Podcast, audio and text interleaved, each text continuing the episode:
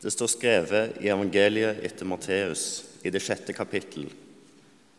Ingen kan tjene to herrer.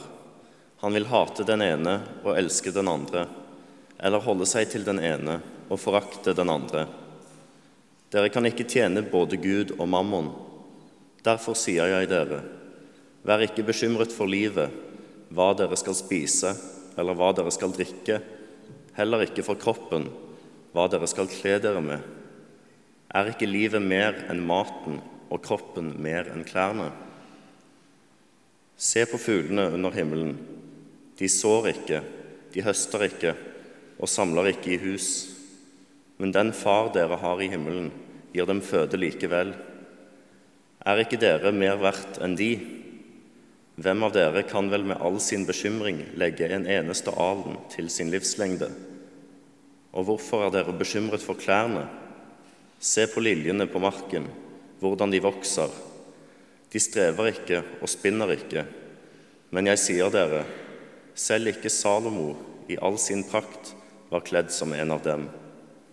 Når Gud kler gresset på marken så fint, det som gror i dag og kastes i ovnen i morgen, hvor mye mer skal han ikke da kle dere, dere lite troende? Så gjør dere ikke bekymringer, og si ikke hva skal vi spise, eller hva skal vi drikke, eller hva skal vi kle oss med? Alt dette er hedningene opptatt av. Men den Far dere har i himmelen, vet jo at dere trenger alt dette. Søk først Guds rike og Hans rettferdighet, så skal dere få alt det andre i tillegg. Så gjør dere ingen bekymringer for morgendagen. Morgendagen skal bekymre seg for seg selv. Hver dag har nok med sin egen plage. Slik lyder det hellige evangelium. er det flere enn meg som har brukt sommeren på å catche opp på litt serier. Det spørs kanskje litt hvor i landet du har vært, men tilbrakte du juli på Vestlandet, så er sannsynligheten ganske stor for at du har fått ganske mye innendørs serietid. To serier som jeg eh, i hvert fall har slukt, Eh, denne sommeren, og som ikke har gått helt sånn ubemerket hen av resten av verden heller. Ser ut til å stikke av med alle priser, virker det som, innenfor TV-serier. Det er seriene White Lotus og Succession. To sånn ganske ulike serier, egentlig. Men én ting har de felles. De gir oss et usjarmerende innblikk inn i livene til folk med mye penger hvor privatfly er et like vanlig transportmiddel som bil, eh, og et armbånd til 75 000 er en helt passende gave hvis man har drept på draget. Og jeg tror ikke at det er tilfeldig at disse seriene har blitt så populære som de har blitt. Det er noe med rike mennesker som, som liksom ikke slutter å fascinere oss Enten det er fantasien av oss selv kunne ha en eh, livsstil uten, uten noen økonomiske begrensninger, eller om, å, eh, eller om det er det å få lov til å dømme disse menneskene som tilsynelatende har alt. Eh, men så ser man at de liker litt av begge tar ganske dårlige valg og er ganske grådige. Sikkert litt av begge deler.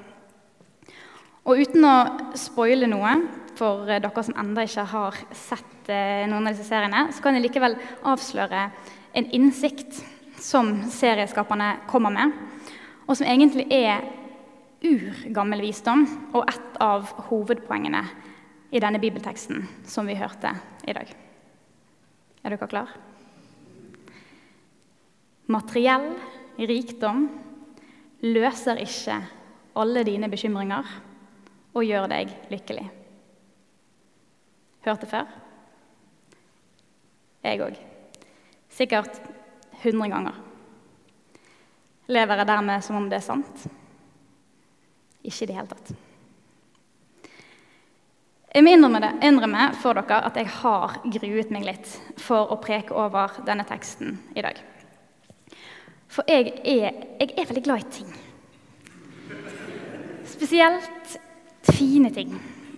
Altså, Så lenge jeg kan huske, så har jeg vært opptatt av hva jeg har på meg. Jeg har vært veldig glad i god mat og av å generelt eie vakre gjenstander.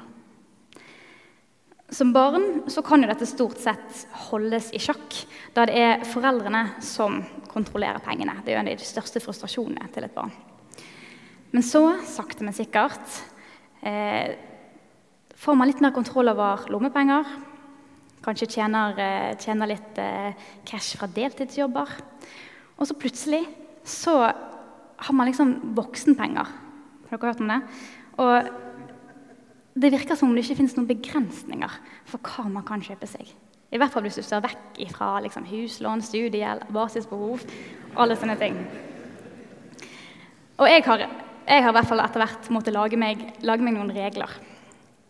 Som at jeg bare kan kjøpe brukt, sy eller strikke klærne mine, og at jeg ikke skal ha, ikke skal ha matsvinn.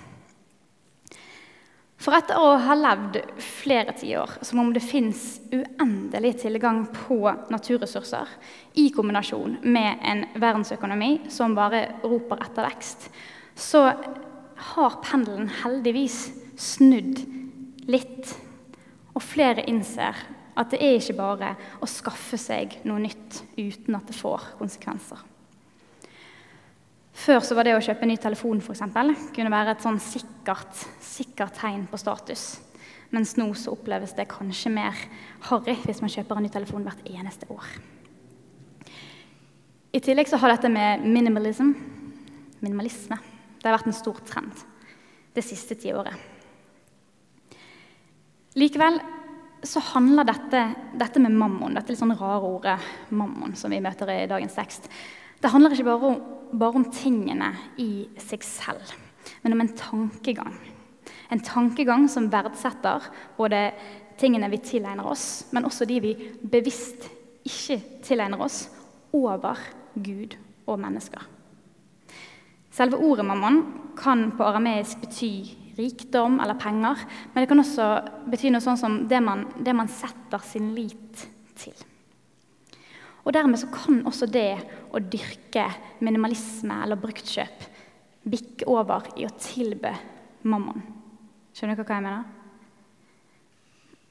Selv når jeg satt og skrev denne preken, så tok jeg meg selv mange ganger i å gå inn på Finn og ta is og bare scrolle. For har man først, har man først satt sin lit til noe, så er det utrolig vanskelig å holde det liksom på en armlengdes avstand. Litt tidligere i det kapittelet hvor teksten i dag var hentet fra, så, så står akkurat dette formulert på en måte som har gjort seg bemerket hos alt fra politikere til JK Rowling. Noen av dere har sikkert hørt det før.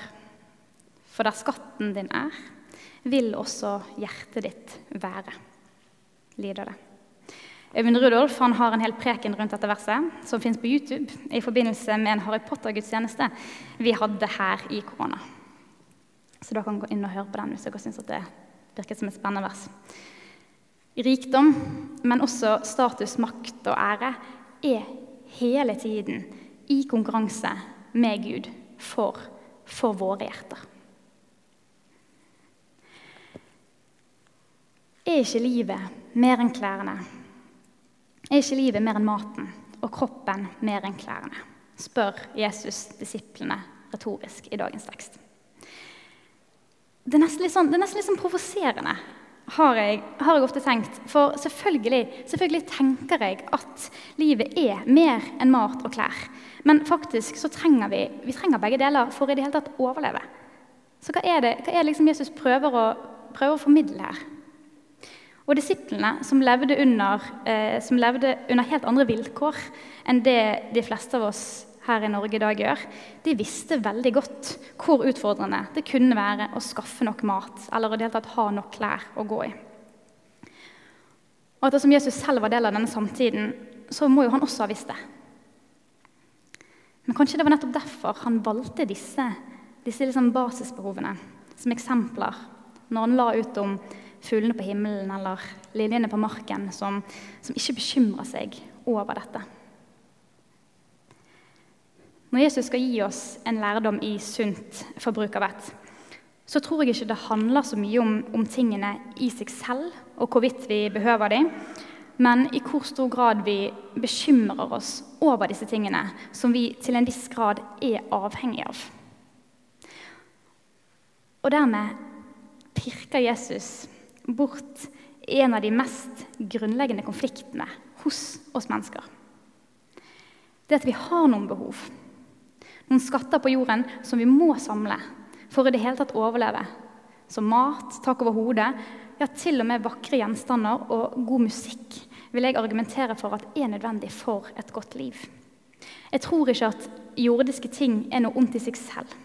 I hvert fall ikke hvis det ligger hardt arbeid, faglig stolthet og en hyllest til det vakre skaperverket bak. Vi er skapt i Guds bilde også til å skape videre. Men det er også disse behovene, kanskje nettopp fordi de er behov, som lettest forstyrrer oss mennesker. Lettest korrumperer oss. Når det å få dekket behovene blir en, blir en besettelse som går langt utover hva som kan regnes som behov, og blir i stedet brukt for å fylle en eller annen lengsel i oss, eller, å, eller som et prosjekt for å fremme oss selv. Det Gud deler, drar oss lengre og lengre vekk ifra det Gud ønsker med våre liv.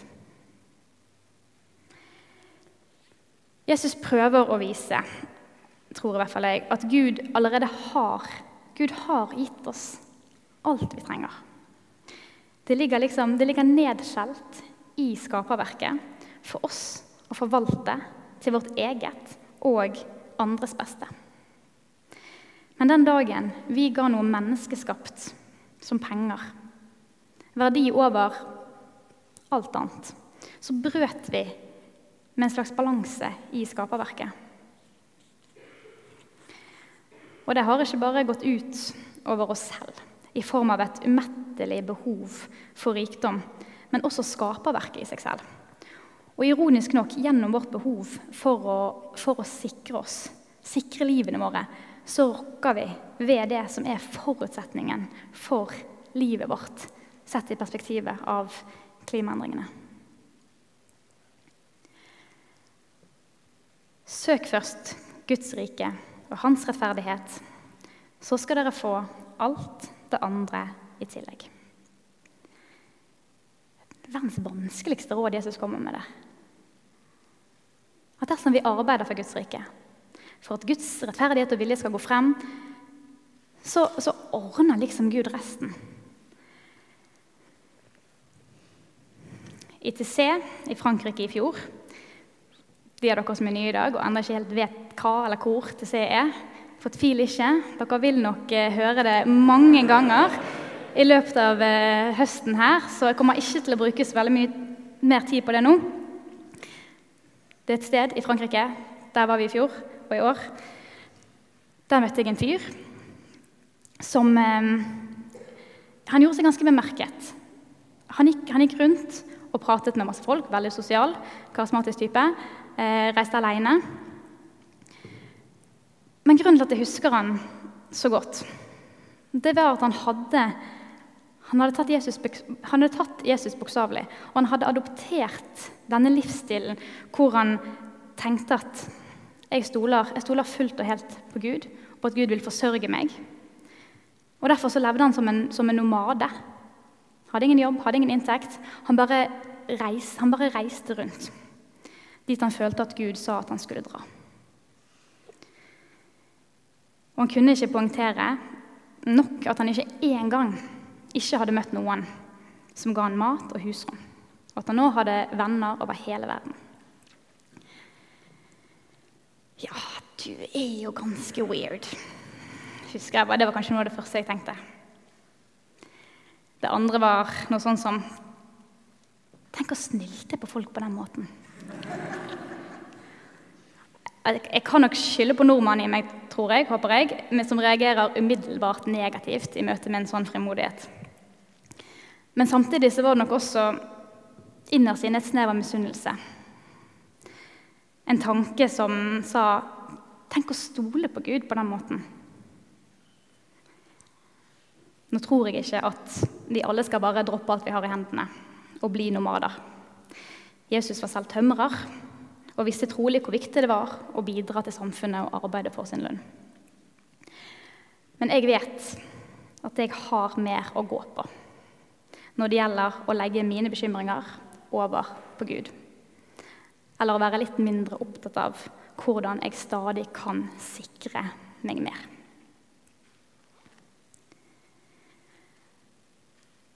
Ingen kan tjene to herrer, Gud og mammon. Likevel gjør vi det hele tiden.